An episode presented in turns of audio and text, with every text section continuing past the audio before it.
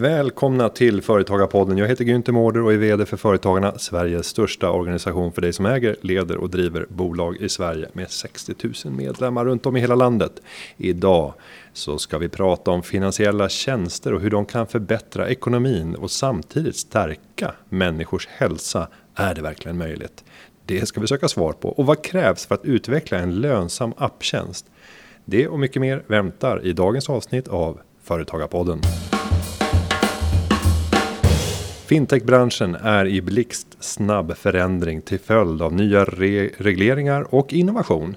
Idag säger vi varmt välkommen till Henrik Rosvall som är medgrundare och vd på fintechbolaget Dreams. Han grundade bolaget 2016 efter att ha lämnat en tjänst som marknadschef på Avanza. Företaget har idag 75 anställda och appen Dreams hjälper över en halv miljon människor att spara och utmanar bankernas position på marknaden. Välkommen! Tack inte. Hur eh, kändes den presentationen? Eh, jo, men bra. Eh, vi kör ju spar, investering och hjälper folk betala av skulder. Så det är de tre. De tre? Eh, ja, mm. exakt. Och om vi nu bara ska beskriva appen Dreams så att vi ska förstå vad, vad är det för skapelse ni sitter, står bakom? Hur, okay. hur gör man det? Nej, men eh, Dreams är en tjänst som då hjälper folk att egentligen lägga undan mer pengar. Det är grund, grundmetoden i tjänsten. Och sen kan man då använda de pengarna som man då sparar till att eh, allokera då till sparkonto eller ett, eh, eh, fonder eller betala av sina konsumentlån som man vill bli av med. Eh, så det bygger egentligen på, eh, men egentligen mycket så här, hur funkar våra hjärnor? Hur kan vi med hjälp av den kunskapen bygga en digital tjänst som stöttar ett positivt finansiellt beteende? Eh, vi vet alla att vi behöver spara mer och investera mer och betala av våra skulder och det finns väldigt eh, få verktyg ute på marknaden som gör det här, om några ens. Eh, och förr i tiden fick man hjälp av sin banktjänsteman eller kvinna och, och liksom hantera sin ekonomi. Idag får man inte det. Så det här är en digital tjänst för att egentligen hjälpa folk till bättre finansiell hälsa. Och vem är den eh, typiska kunden, den som behöver den här typen av tjänsten allra, allra bäst? Nej, men jag tror de som har störst utmaningar liksom i, i samhället idag, idag är ju den yngre eh, generationen. Eh, vår kärnmålgrupp är 20-40-åringar. Eh, vi är väldigt starkt representerade inom kvinnor. Eh, i snittåldern är väl 33 ungefär. Eh, så man har fått sitt första jobb, man har liksom eh, kommit på att eh, man behöver tänka lite längre än, än, vad man kanske har gjort tidigare när man är lite yngre, som, som inte så många gör. Eh, och ja, men, har påbörjat det, den, den tankeprocessen. Och det här är ett verktyg som hjälper mig att faktiskt ta lite action på, på, på de utmaningarna. Ni ska förhoppningsvis skapa ett gott beteende som hjälper de här privatpersonerna att bli mindre finansiellt stressade och få en bättre framtid. Hur ser er affärsmodell ut för att kunna skapa värden för bolaget då? Nej, men vi har ju egentligen två affärsmodeller. Eh, en är då i vår konsumentaffär där vi hjälper folk att, att spara pengar, eh, investera i, i, fonder och eh, betala av, konsolidera sina konsumentlån och betala av dem. Så där tjänar vi pengar på ungefär samma sätt som bankerna eh, gör. Eh, på att vi distribuerar fonder, eh, på att vi eh, ger ut i princip lån, fast vi ger inte ut nya lån utan vi tar bara över befintliga lån via vår partnerbank, eller våra partnerbanker snart. Eh, Storebrand i Norge och Ålandsbanken i Sverige. Och där är målet att eh, pressa ner de här räntorna till bättre nivåer? Ja, alltså det, det handlar dels om att få ner räntenivån såklart. Eh, men det många luras eh, idag av det är att här, lägga om lånen så tittar man väldigt mycket på hur man, mycket man sänker sin månadskostnad. Men man förlänger ofta durationen på lånet, längden på lånet. Och på så sätt får ner månadskostnaden väldigt mycket. Vi tänker tvärt emot. Att vi vill snarare förkorta liksom, låneperioden, durationen på lånet. Genom att få dem att betala, överinbetala på sina amorteringar. Och därmed sänker man den totala kostnaden på lånet mycket, mycket mer. Än om man bara sänker sin ränta lite grann. Vilket vi också gör såklart. Men den stora vinsten har man faktiskt i att betala av sina lån på kortare tid. Och det är ju individens intresse, men det är ju inte bankens intresse med tanke på att man tjänar ganska bra pengar på de här krediterna. Hur jobbar man i den här obalansen som finns där du har en, en, motpart som faktiskt vill att det ska gärna få ta tid så länge det inte hotar betalningsförmågan för det är ju bankens stora hot då. Nej, men eh, det så tror jag att om man, om man eh, tittar på det segmentet som är intresserade av att betala av sina lån snabbare så är det inte de som är mest Eh, om man säger, utsatta i sin ekonomiska situation utan eh, de har mycket, mycket lägre risk. Eh, så då tjänar man pengar på att inte förlora så mycket pengar på, på defaultade krediter. Men också så har man ett unikt erbjudande så man kan faktiskt attrahera kunder till den här produkten på ett billigare sätt. Och dessutom så handlar det om att är man värdedriven i, i, i sitt bolag så kommer man att ta lite alternativkostnader. Och det här är en sån tydlig alternativkostnad. Man hade kunnat tjäna mer pengar om man hade gett ut nya lån också. Eh, men är det det vi vill göra? Är det den positionen vi har på marknaden och är det där vi skapar tjänster för? Nej. Så att, eh, det är en alternativ, eh, alternativkostnad som vi har varit beredda att ta. Du är ju en eh, entreprenör som lämnade en trygg tillvaro med en tjänstemannakarriär som var framgångsrik och där eh, du sannolikt kunde se ljust på framtiden. Vad är det som gjorde att du vågade ta det steget och kliva över på företagarsidan istället? Jag tror att det där är liksom en, en flerdimensionell liksom fråga. Eh, jag har alltid drivit företag sedan eh, liksom ung ålder, väldigt ung ålder. Eh, och ja, startat några företag tidigare. men så det gjorde väl att jag alltid har haft ett, ett mål och ett intresse av att starta ett eget företag. Så det är väl en sak. Men sen kommer jag faktiskt ihåg att under den perioden var så här, räntorna gick ner väldigt, väldigt mycket. Eh, bostadsräntorna, så det blev väldigt billigt att bo. Vilket gjorde att min kostnadskostym eh, minskade. Och det gav liksom mig en, en, ett självförtroende och en möjlighet att faktiskt här, ja, men, hoppa av en, en trygg karriär med en, en bra lön till eh, ett bolag utan möjlighet att betala någon lön överhuvudtaget. Och istället liksom ja, men använda besparingar eh, och min fru eh, till att eh, ja, men göra det jag verkligen trodde på. Och det är ju en stor skillnad att eh, börja betala för att få gå till jobbet, vilket man inledningsvis gör som mm. företagare. Man arbetar gratis och kanske till och med får betala genom att stoppa in pengar för att starta upp verksamheten. Vad är det viktigaste som du skulle skicka med till personer som idag befinner sig i en chefsposition, som drömmer om ett företagande, men som inte riktigt vågar ta det där steget? Jag tror mycket handlar om att man måste liksom planera en sån här resa eh, ganska lång tid innan. Att man måste börja spara pengar och lägga undan så att man faktiskt har det här startkapitalet. Eh, att man inte är beroende av att kanske få en, en lön på ett halvår till ett år. Och i mitt fall var det även längre än så. Eh, och sen eh, tar saker och ting mycket, mycket längre tid än vad man tror. Så att om du tror att det tar ett år så kommer det ta kanske tre gånger så lång tid. Eller i varje fall dubbelt så lång tid. Eh, så det handlar om att liksom planera egentligen för det värsta eh, scenariot. och inte liksom ja, riskera din eh, familjs ekonomi på köpet. Utan, utan eh, jag, jag, tror planering är liksom, i, i grund och botten superviktigt innan man ska starta. Om vi nu fortsätter att titta på så här, företagandet och, och ser tillbaka på det halva decennium som det faktiskt är nu sedan du drog mm. igång det tillsammans mm. med Johan. Vad skulle du definiera som den lyckligaste stunden i ett företagarperspektiv på den resa som ni just nu är inne i? Eh, jag tror att den lyckligaste stunden fortfarande är eh, hela vår affärsmodell byggde på att vi är väldigt duktiga på att skapa användarupplevelser. Engagerande användarupplevelser. Eh, vi är duktiga på marknadsföring. Men vi behövde en bank som tog hand om egentligen allt det regulatoriska. Jag hade en eh, kontostruktur som vi kunde använda och så vidare. Och att få en bank att men i princip låna ut sin, eh, sin bankverksamhet till en extern partner. Det var inte så lätt. Eh, och jag träffade väldigt, väldigt mycket banker och framför allt så handlar det om att hitta en bank som faktiskt delade egentligen vår, våra värderingar. Eh, och jag tror att det lyckligaste stunden fortfarande var när vi eh, kritade på eh, avtalet med Ålandsbanken, eh, vår första bank. Och hur lång tid hade ni ägnat åt att kunna hitta den här viktiga samarbetspartner som ni behövde? Ja, men jag ägnade nog nästintill fulltid eh, under nästan ett år mm. på att hitta det. Jag träffade nästan alla banker.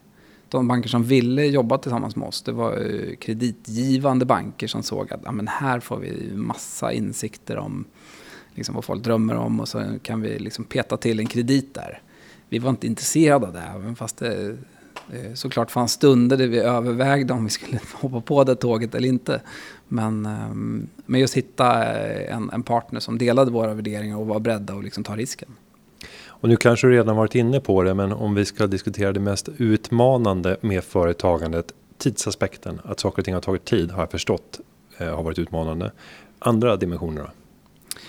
Jag, jag tror så här, uthållighet är liksom A och O om du ska driva företag. Eh, saker och ting tar tid. Eh, du måste också ja, men, eh, dela liksom, eh, de här ups and downs med någon. Så är du helt själv så tror jag att det blir en mycket, mycket jobbigare resa än om du har någon som du faktiskt kan dela allting med.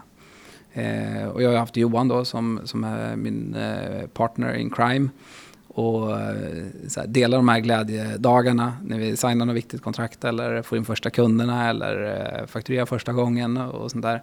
Men också alla de eh, downs som man har som företagare och faktiskt eh, så här, ja, men, överleva de perioderna och det tror jag man gör mycket, mycket lättare tillsammans med Och det här tillsammans, att ha en partner att arbeta tillsammans med drömmer ju väldigt många om.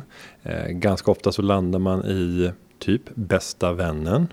Eh, det är där man diskuterar mycket och det är där man kanske landar den första idén. Du och Johan, känner ni varandra innan? Nej, eller vi, vi var bekanta mer än liksom kompisar. Eh, han hade precis sålt sitt, eh, sitt bolag. Han startade en digital byrå. Hade precis sålt den och skulle göra något annat. Och jag tyckte att så här, men jag kommer från den tråkiga bankvärlden och kan eh, bank rätt hyfsat. Och han eh, kommer från att bygga digitala eh, user experiences. Eh, och eh, ja, men försökte få honom att och liksom hoppa på tåget. Eh, så att vi var inte kompisar. Eh, men vi har blivit, eh, liksom, han är en av mina absolut närmaste vänner och kollegor och, eh, idag.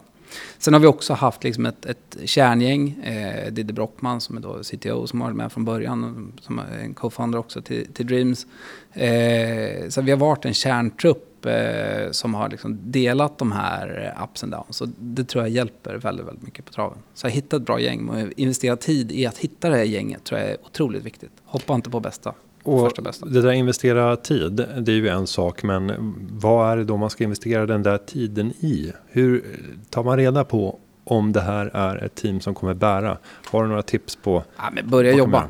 Mm. Börja jobba tillsammans. Det är enda sättet.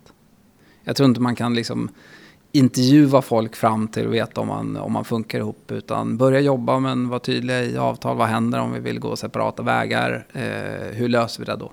Mm. Eh, men jag tror inte, jag tror inte man kan liksom på teoretisk väg eh, ta reda på om man funkar ihop eller inte.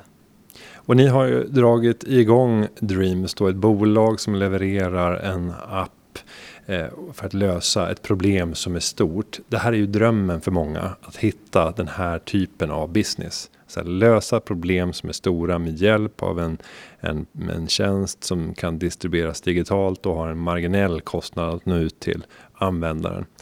Vad är det för eh, saker man ska tänka på om man vill ge sig in i den typen av värld som den här appindustrin ändå innebär? Jag tror man ska tänka på att eh, men för det första måste man då hitta ett, ett problem och, och, och lösa. Eh, och så måste man också ha kompetensen att lösa det problemet. Eh, men sen måste man också ha kapital. För att eh, det, det, kostar ganska mycket att bygga digitala tjänster och tittar man på fintechbranschen så visst, det, det, det, är mycket digitalt men det är också mycket regulatoriskt som måste vara på plats. Det är en hel del kompetens som man kanske måste köpa in i rätt tidigt stadie för att ta reda på om det här faktiskt funkar. Eh, så jag tror man ska liksom ha, ha, gjort sin hemläxa innan man ger sig in i, i en vald bransch. Vad är det som krävs i den här branschen för att lyckas? Eh, det går inte att ha två stycken som sitter och knackar en app eh, oftast. Det, fun det, det, funkar i kanske eh, ett, ett, fall av tusen men, men eh, i de flesta fallen så tror jag att det, det krävs lite planering och, och kapital också. Många har ju en idé om vad som saknas och som skulle kunna lösa ett problem för andra. Men eh, man sitter utan egen utvecklarkompetens. Hur har det sett ut för er? Har ni kunnat göra någonting av utvecklingen själva eller har ni varit tvungna att köpa in? Har ni anställt? Hur har ni gjort, löst det? Nej, men vi har faktiskt gjort all utveckling internt eh, i princip eh, från början. Och Johan då eh, hade ju ett bra nätverk eh, inom då eh, liksom eh, Product Engineering communityn eh, och framförallt då med Didde som kom in tidigt eh, som är ja, men en, en, del av den communityn själv. Så att vi har alltid haft det internt. Och det är ju lätt att lockas av den här öppna globala marknaden av utvecklare och man kan se att man i eh, länder med relativt eh, låga löner kan få tag i utvecklare till helt så här makalöst mm. låga timpriser. Hur eh, ser du på att använda sig av de möjligheterna och köpa in sin utveckling från andra delar av världen?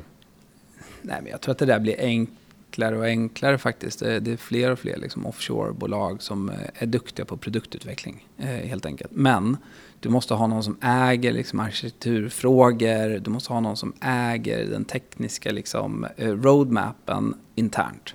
Den delen går inte att outsourca enligt mig. Utan eh, man kan outsourca liksom, ja, men att, att leverera saker i en roadmap enligt en satt arkitektur. Eh, men men eh, inte liksom outsourca alltihopa. Om vi nu går tillbaka till Dreams och diskuterar själva bolaget och eh, inte minst kunderna. En halv miljon användare i eh, dagsläget. Om du ser tillbaka på den resan, hade du trott att ni skulle befinna er där ni gör i dagsläget? Kan du komma ihåg några ursprungliga pitcher som ni höll 2016 eller 2017? Ja, absolut. Nej, men det är ibland så här, man tittar tillbaka på gamla pitcher och funderar så här, hur, hur eh, vem gjorde den här pitchen? Mm. Eh, var ni överoptimistiska? nej, men vi var ju extremt överoptimistiska. Men jag tror att det där är också viktigt att vara. Alltså naivitet, det, det tror jag är liksom eh, entreprenörens bästa vän. Eh, du måste vara naiv och liksom tro att du kan ta det här någonstans. Som där, där, där, man målar upp en målbild för sig själv. Att ja, men kommer vi hit så kommer det bli jävligt bra för oss och för kunderna och alla involverade. Eh, och sen går man på miner på vägen och så måste man fortsätta vara lite naiv och säga att vi kan fortfarande ta oss dit. Eh, men absolut, jag tror alla är överoptimistiska. Men, eh, men nu tycker jag vi, vi börjar liksom komma ifatt våra planer, men det har tagit längre tid. Mm. Är det den här eh, magiska exponentiella utvecklingen som man drömmer om, som ni ser ett resultat av nu, eller är det linjär tillväxt? Jag tror att man, man överskattar sin förmåga på kort sikt men underskattar förmågan på lång sikt. Mm. Ja. Och det är ju som ja, men allt vad gäller teknik. Eh, jag tror man överskattar liksom, eh, farten på, på kort sikt, vart vi ska vara om ett år eller två år. Men underskattar den på lång sikt. Man ser inte de här stora leapsen som kommer på vägen. Eh, och det tror jag vi ja, men till exempel, vi har en B2B-affär eh, idag med en av världens största bankgrupper. Eh, den fanns inte i vår plan från början utan det var någonting som vi ja, men lärde oss eh, under tiden. Att så här, ja, men det finns ett behov från banker att kunna catera bättre mot deras egna kunder. Eh, och kan vi hjälpa dem med vår, hjälp av vår produktplattform att, att, eh, att faktiskt ta sig dit på, på ett mycket snabbare sätt och mycket billigare sätt än att utveckla internt det, är ju, det är ju en, ja, det är en utveckling som vi, som vi har liksom, eh, gjort under resans gång. Och om man ska bara förklara vad ni har gjort så har ni utlicensierat er egen plattform? Exakt, vi har licensierat vår plattform inklusive då användarupplevelsen eh, som, eh, som är då det, om man säger unikiteten tror jag i vår SaaS-lösning är just att man får en, en full produktplattform både frontend och, och, och backend som man kan koppla in i, i sitt banksystem egentligen. Och om man tittar på den eh, plötsliga affärsmöjligheten som ni inte tänkte på ursprungligen. När blev det uppenbart för er att det här är en möjlighet? Var det när en kund knackade på eller var det efter effektiv bearbetning? Nej, men en, en, en, lärdom för oss var väl att så här, vi, vi hade en plan från början att jobba med, samarbeta med banker i olika länder. Eh, precis som vi gör i Sverige och Norge. Eh, det var en första, första hypotes. Eh, men sen att, att, att sköta om den relationen med bankerna och anpassa sig efter deras eh, egentligen arkitektur och deras tjänste, tjänstelager. Det, det tar ganska mycket tid. Och samtidigt så blev jag approcherad av banker från ja, olika delar av, av världen. Här, vi vill också göra det som ni gör i Sverige eller Norge. Eh, kan ni göra det hos oss? Eh, och det var ju väldigt lockande. Eh, men eh, just utifrån ett så här, eh, skalbart alternativ så fanns inte det riktigt. Det var inte riktigt en skalbar modell för oss. och då, då kom vi på att men, vad händer om vi faktiskt kan bygga en, en, en, en plattform med API och SDK som bankerna själva kan implementera i sina, i sina miljöer. Hur mycket enklare hade det varit om ni visste om att den här affärsmöjligheten skulle uppenbaras och började planera för det i utvecklingen redan från början? Har det här inneburit mycket mer kostnader när den typen av det dök upp? Ja, men det är en bra fråga. Jag tror att för det första så fanns inte den tekniken på den tiden överhuvudtaget. Och vi pratar ändå 2016, ja. på den tiden. Nej, det låter det, som det, det fanns inte. Anno dazumal. Ja, men all, allting handlade om att eh, ja, men, eh, man, man, man var väldigt beroende av native, eh, eh native interfaces, eh, iOS, Android och så vidare. Eh, och, och då är man också beroende av en massa releasecykler från Apple och, och Google. Eh, man är också beroende av att ha en standalone app bredvid bankens app. Eh, för annars kommer man in i deras releasecykler som kanske är en gång per kvartal eller en gång per halvår och det funkar inte heller riktigt med modern produktutveckling. Eh, och sen kom då PVA, Progressive Web Application, som en skänk från ovan. Eh, som vi var ganska tidiga på att börja testa. Och det öppnade upp möjligheter för att faktiskt integrera en användarupplevelse in i bankens interface. Och kunna göra inkrementella uppdateringar flera gånger per dag. Som de då drar nytta av. Eh, så att jag tror inte att, även om vi hade haft liksom eh, den tanken från början så tror inte jag att vi hade lyckats. För det, tekniken fanns inte. Det är ju många eh, svåra ord som bara swishar förbi här. Eh, hur gör man när man ska resonera och förklara eh, den här typen av teknologiska skiften och du berättar om en ny typ av och då sitter jag och funderar över så här, hur ska man säga det här för att inte låta dum? Är det ett nytt programmerings språk? Det, vad, var det ni, ja, vad var det som öppnades upp? Alltså, jag, skulle inte säga att det är ett nytt programmeringsspråk, för det Nej. bygger på uh, eh, HTML som är ja, ett det, av de äldre. Det, men, det men, det är ett ramverk okay. mm. uh, snarare. Som, uh, ja, men som gör att man kan nu ska jag försöka säga det här på ett språk som... Det, det, här, det här är ju inte enkelt. Det var ju det här jag försökte göra inom, inom ekonomi. Att ja. ta det alla ja, kunde exakt. prata så vackert om ja. med finanstermer. Och sen försöka översätta det till vanlig begriplig svenska. Så nu Nej, utmanar jag dig här. Ja, exakt. Ja, men man kan väl, man kan väl eh, eh, översätta det lite grann till eh, en, eh, en liten låda. Mm. Eh, en liten låda eh, där det händer saker inuti den lådan som är oberoende av det som händer runt omkring lådan. Så att den här koden ligger i den här lilla lådan och sköter sig själv, eller som, som är kopplad då till vår backend. Och inte beroende av någon annan partner på vägen. Mm. Eh, det gör ramverket eh, som heter Progressive Web Application. Och, och, då tänker jag, om jag ska försöka översätta det här utifrån hur jag tänker. Då har vi på Företagarna bytt ut hela vårt grundläggande som jag kallar det, system.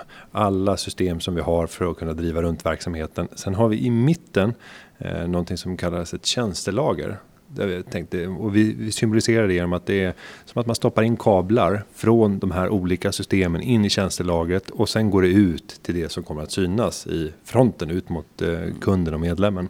Kan man säga att det är lite det här tjänstelaget i mitten som blir den där lådan? Uh, nej, jag märker på direkt. Nej, nej, nej, nej. men ta, ta en ISK. Ja. Eh, eftersom vi pratade om ISK här innan. Mm. Eh, Investeringssparkonto. Ja, exakt. Det har ett skal. Mm. Eh, ISK är ett skal som stoppar olika finansiella produkter mm. i. Eh, ISK, skatteeffekten på ISK, den är bara baserad på värdet av de underliggande produkterna. Den struntar i vad som händer i skalet mm. helt och hållet. Det här är precis på samma sätt. Mm. Ja, men nu fick du ju med mig. Sen undrar jag om alla andra är med. Eh, men det här är väl så här, ett tips också. Att här, hur kan man förklara saker på olika sätt för att eh, få med alla på båten? För det tänker jag också är en stor utmaning när man har en organisation som växer och folk som inte är inne i den här kärnan i. Nej, men jag, jag, tror, jag tror att det handlar mycket om att bygger man ett produktbolag så blir det väldigt mycket teknik. Mm. Eh, och där måste man ha en eh, då, eh, ledare som är väldigt eh, duktiga på att förklara det här på ett mycket enklare sätt än vad jag gjorde nyss. Eh, och, och som kan få hela organisationen att faktiskt veta vilka vägval vi gör, varför vi gör det, vad är det som händer på den här fronten. vi kör till exempel demos, eller vad vi kallar show and tells varannan vecka. Testa grejer, se hur det funkar, få ja, feedback. Ja, och mm. men, men framförallt att produktteamen, alla produktteamen visar upp vad de gör. Oavsett om det är liksom en, eh, en, en ren back-end-funktion så kan man så här för, ja, tvingas att förklara för andra i bolaget vad vi har gjort och varför vi har gjort det. Och på vilket sätt vi har gjort det. Om, om vi ska gå över till en annan del så är det ju det ni vill åstadkomma, förändrade beteenden hos era användare. Och du pratade inledningsvis om att det finns ett antal här, oönskade ovanor eh, som vi människor har som kanske leder till att vi inte kan förverkliga våra ekonomiska eller våra drömmar till följd av ekonomiska tillkortakommanden. Vad är det för eh, vanor som du ser att ni med hjälp av Dreams kan förändra? Ja, men för det första så, så, så tror jag att eh, vi, våra hjärnor är liksom programmerade till att eh, ja, men, trigga på korta belöningar. Eh, ja, men, ta, eh, alla, alla som har barn har kanske testat marshmallows-tricket eh, med sina barn. Eh, antingen får du en nu eller får du två sen. Eh, alla väljer en nu. För att man får eh, just en, en, en sockerkick av att få den här liksom, marshmallows just nu. ja, men det funkar likadant i, i vår privatekonomi att allting som ger en snabb belöning är mycket lättare att ta action på. Så att, att köpa någonting idag eh, ger mig en belöning, ger mig en känsla av lustfylldhet. Eh, och att spara gör inte det. Mm. Eh, du skjuter upp en belöning. Och det ger ingen endorfinkicker överhuvudtaget att skjuta upp en belöning.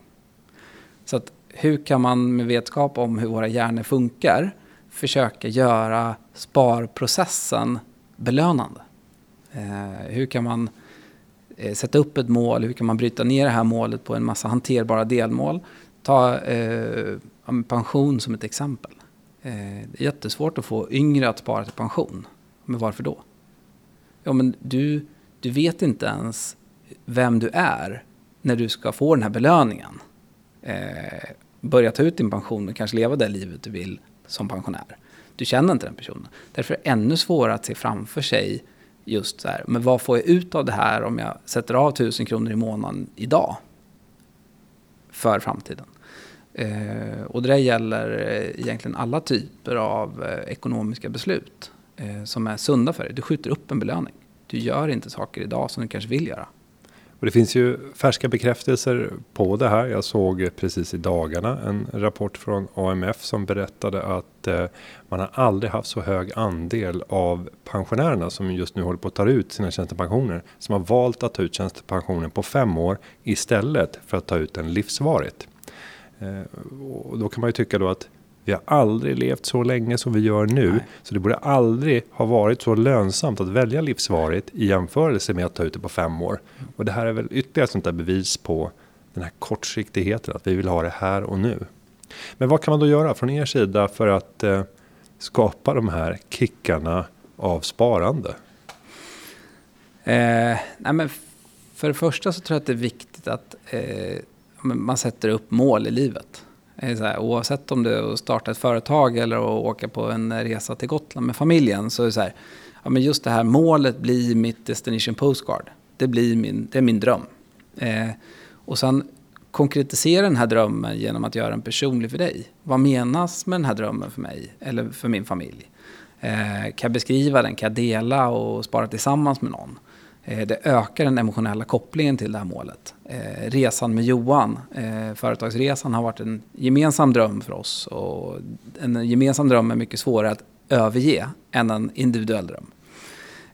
sen handlar det om att bryta ner det här målet i hanterbara delmål. Ja, men den här resan till Gotland eller att starta ett företag, vad innebär det för mig? Ja, men jag, måste, jag måste kanske lägga undan 500 kronor i veckan eller eh, 1000 kronor i månaden för att kunna åka till Gotland med min familj nästa år. Eh, Okej, okay. då är det eh, Liksom, då har jag brutit ner det här delmålet till någonting som är lite mer hanterbart, 1000 kronor i veckan. Men hur kan jag då översätta de här 1000 kronor i veckan eller 1000 kronor i månaden till någonting? Ja, men kan jag ändra mitt beteende på något sätt?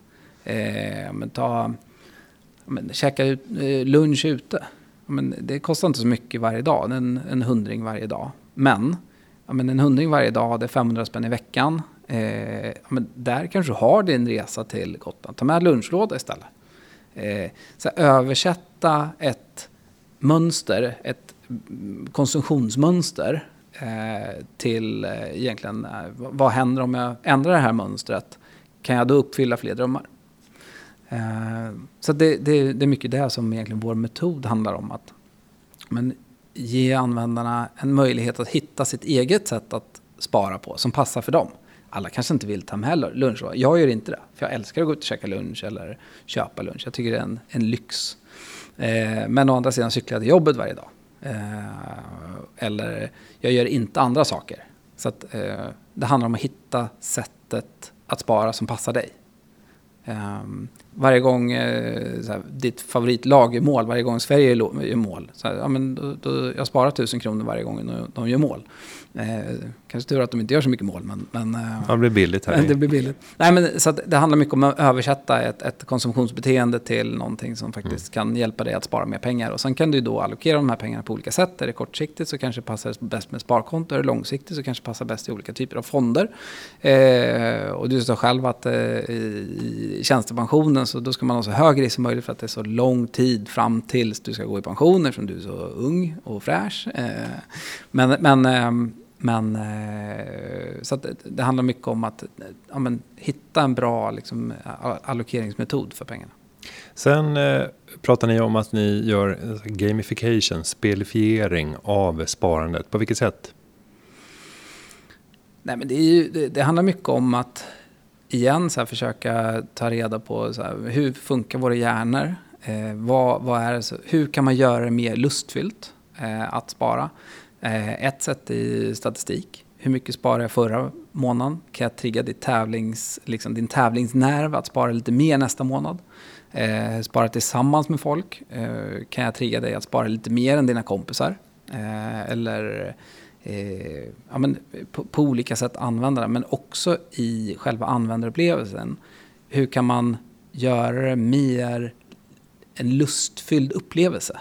och inte en, en, en, eh, liksom en traditionellt ganska tråkig bankupplevelse.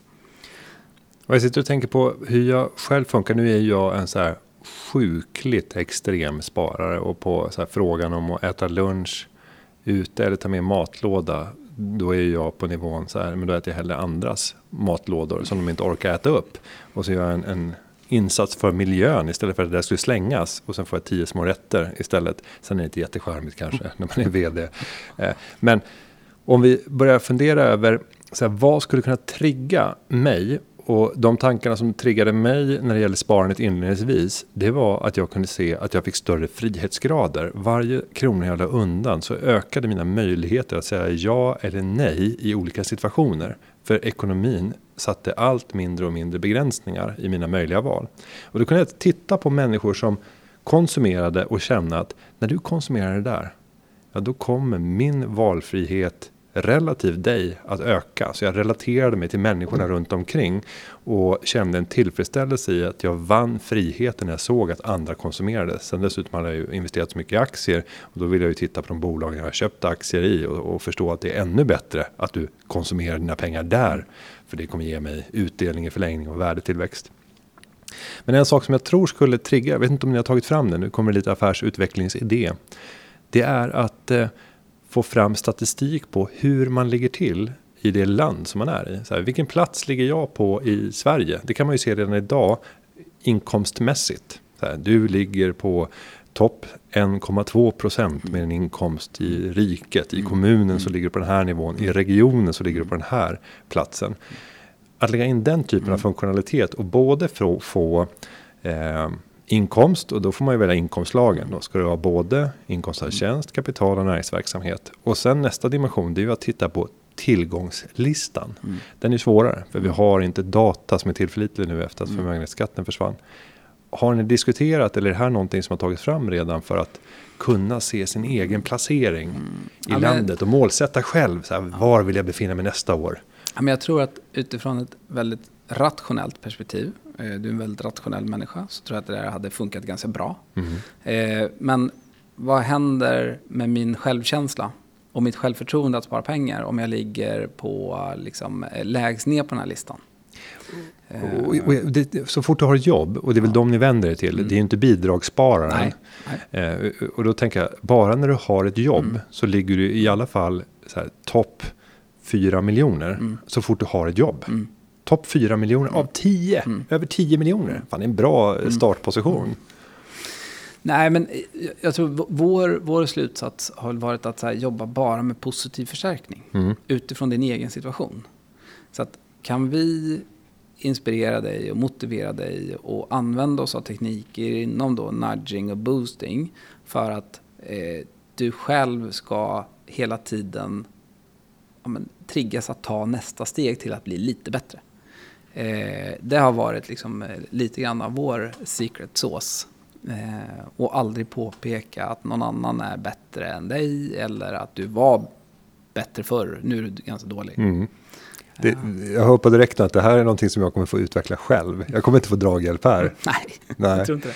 Jag får prata med Elin, vår forskarchef. Ja. Eh, nej, men det där är väldigt spännande vad vi triggas av. Och, och, det där har väl jag förstått med åren att jag är väldigt annorlunda funtat. Och det där är ju väldigt dumt att utgå ifrån sig själv när man ska tänka affärsutveckling.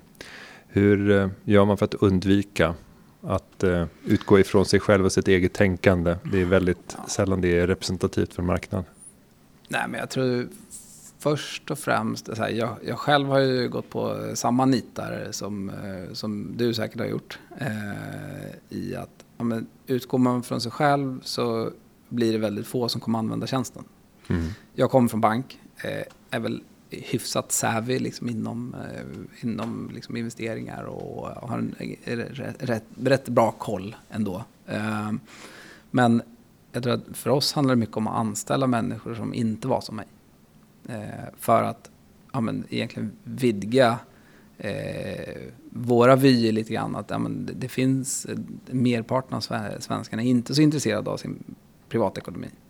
Eh, hur skulle de designa tjänster?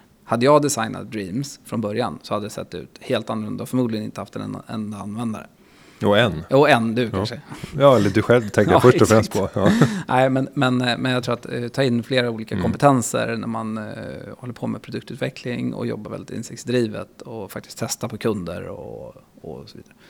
Vi har en, en liten community, en ganska stor community med eh, åtta, över 8000 personer på, eh, i vår eh, Facebookgrupp eh, som heter Nordic Dreamers. De testar mycket nya tjänster åt oss och ger oss väldigt värdefull feedback. Och oftast så är våra hypoteser inte rätt från början. Mm. Och där kan vi ju lägga an ett perspektiv eftersom vi båda kommer från två bolag som konkurrerade med varandra och sannolikt har till följd av den konkurrensen blivit så pass mycket före ställt i relation till hur nätbanker ser ut i andra delar av världen. Nordnet där jag kommer ifrån, Avanza där du kommer ifrån. Och där tyckte jag att det var uppenbart att man jobbade annorlunda. Nordnet lyssnade alldeles för mycket under inledningen av 2000-talet på aktiva traders. Mm. De som skapade en enorm omsättning. De var högljudda, de ställde krav på tekniken som var helt inhemula.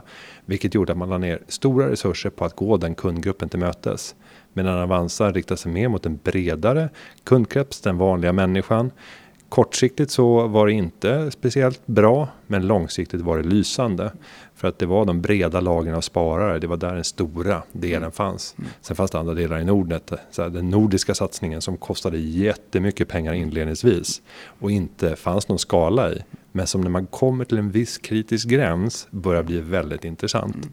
Mm. Eh, så Ett tips kan ju också vara att titta på alla olika branschers Nordnet och Avanza, för de finns ju överallt. Så här, Volvo, Scania, mm. Ericsson, Nokia, mm. Atlas mot Sandvik. Ofta så finns det nästan alltid två framgångsrika företag som har tävlat mot varandra och äggat varandra till att hela tiden stå på tå. Eh, och då kommer jag till nästa fråga till, till dig. Vilken är er sparringpartner som eh, finns på den marknad där ni verkar som gör att ni förhoppningsvis kan se till att stå på tårna och även om 5-10 år vara högrelevanta sett i ett internationellt perspektiv? Om man, om man tittar på, uh, vi har ju, vi har ju många liksom, eh, uh, sparringpartners. Uh, eh, titta bara på alla, alla storbanker och deras enorma kassor och enorma investeringar i, ja, men, i deras verksamheter. och jämför den med våra minimala liksom, kassor och investeringsmöjligheter. Så vi måste ju vara mycket smartare än vad de är hela tiden och mycket snabbare. Så det är ju egentligen vår stora drivkraft att så här, vi måste hela tiden vara smartare än dem med mycket, mycket mindre kassa.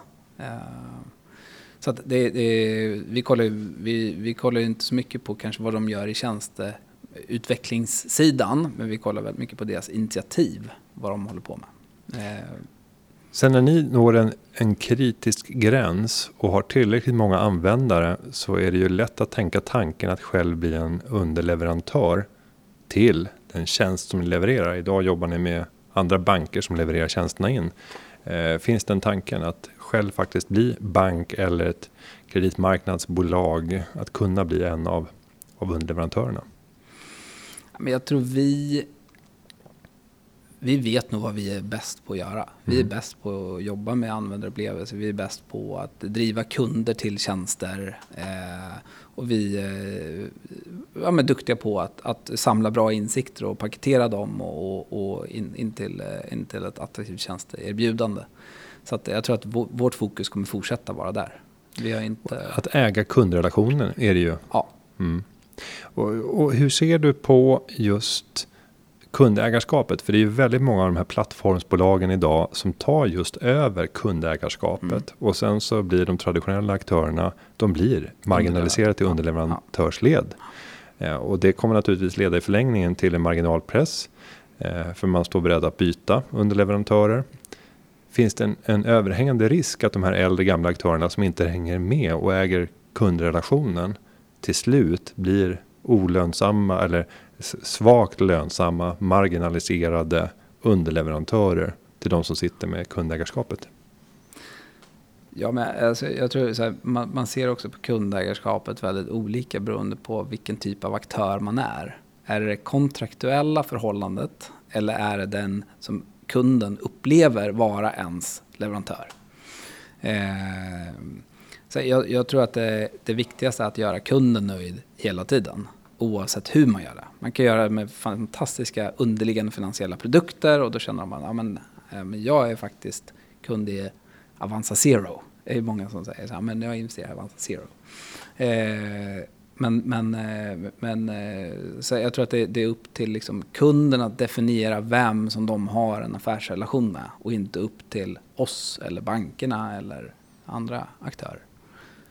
Jag tänkte att du eh, avslutningsvis ska få ge ett råd till kanske någon som befinner sig i den situation du gjorde för eh, 6-7 år sedan. Eh, du har en hög befattning inom finanssektorn. Du kan den här branschen rätt väl. Du har idéer om hur man skulle kunna utveckla den och se möjligheten att starta ett nytt fintechbolag. Vad skulle vara rådet till den här personen som står inför det här möjliga livsvalet? Först och främst så ska jag säga, hitta en bra partner som du vill göra det med. Eh, gör det inte själv. Eh, jag tror att det är mycket större liksom, sannolikhet att lyckas om du hittar en partner. Eller flera. Mm. Eh, den andra biten är du måste vara naiv. Du måste tro att du klarar att Eh, överkomma de här eh, hindren, regulatoriska hinder eller kapitalhinder. Eller. Du måste vara naiv och tro att du faktiskt kan klara av att göra det. För planerar du för mycket så kommer du bara se hinder. Det är en komplex, liksom, det är en komplex bransch. Det är väldigt mycket regleringar och väldigt mycket som, men, som man skulle kunna se som bara hinder. Eh, men om man bara ser hindren så kommer du aldrig starta ett bolag. Eh, så ha tro på dig själv och att det här går att lösa. Även fast du kanske inte har lösning framför dig just nu. Eh, så var otroligt lösningsdriven. Eh, och sen eh, tror jag att planera lite grann. Så här, eh, du, måste, du måste planera en, en exit eh, från ditt jobb eller din, din fasta tillvaro som anställd eh, till att faktiskt vara din egen. Eh, det går inte bara, för de flesta i varje fall, att bara hoppa av från ena dagen till den andra. Jag har en idé. Utan eh, tänk lite längre än så. Hur finansierar jag det här? I varje fall min egen lön tills jag kanske hittat finansiärer som kan eh, komma in och som tror på dig och din, din, eh, din affärsplan. Så det är väl de tre, de tre råden som jag skulle säga. Stort tack. Henrik Rosvall, stort tack för att du kom till Företagarpodden. Tack inte. Och med det ska jag säga att fler tips om hur du kommer igång med både ditt sparande och med ditt företagande. Det finns såklart på företagarna.se och i tidigare avsnitt här av Företagarpodden. Underlaget är gjort av David Hagen och klippningen den är gjord av Petra Cho. Vi hörs igen nästa vecka. Ha det så gott. Hej då.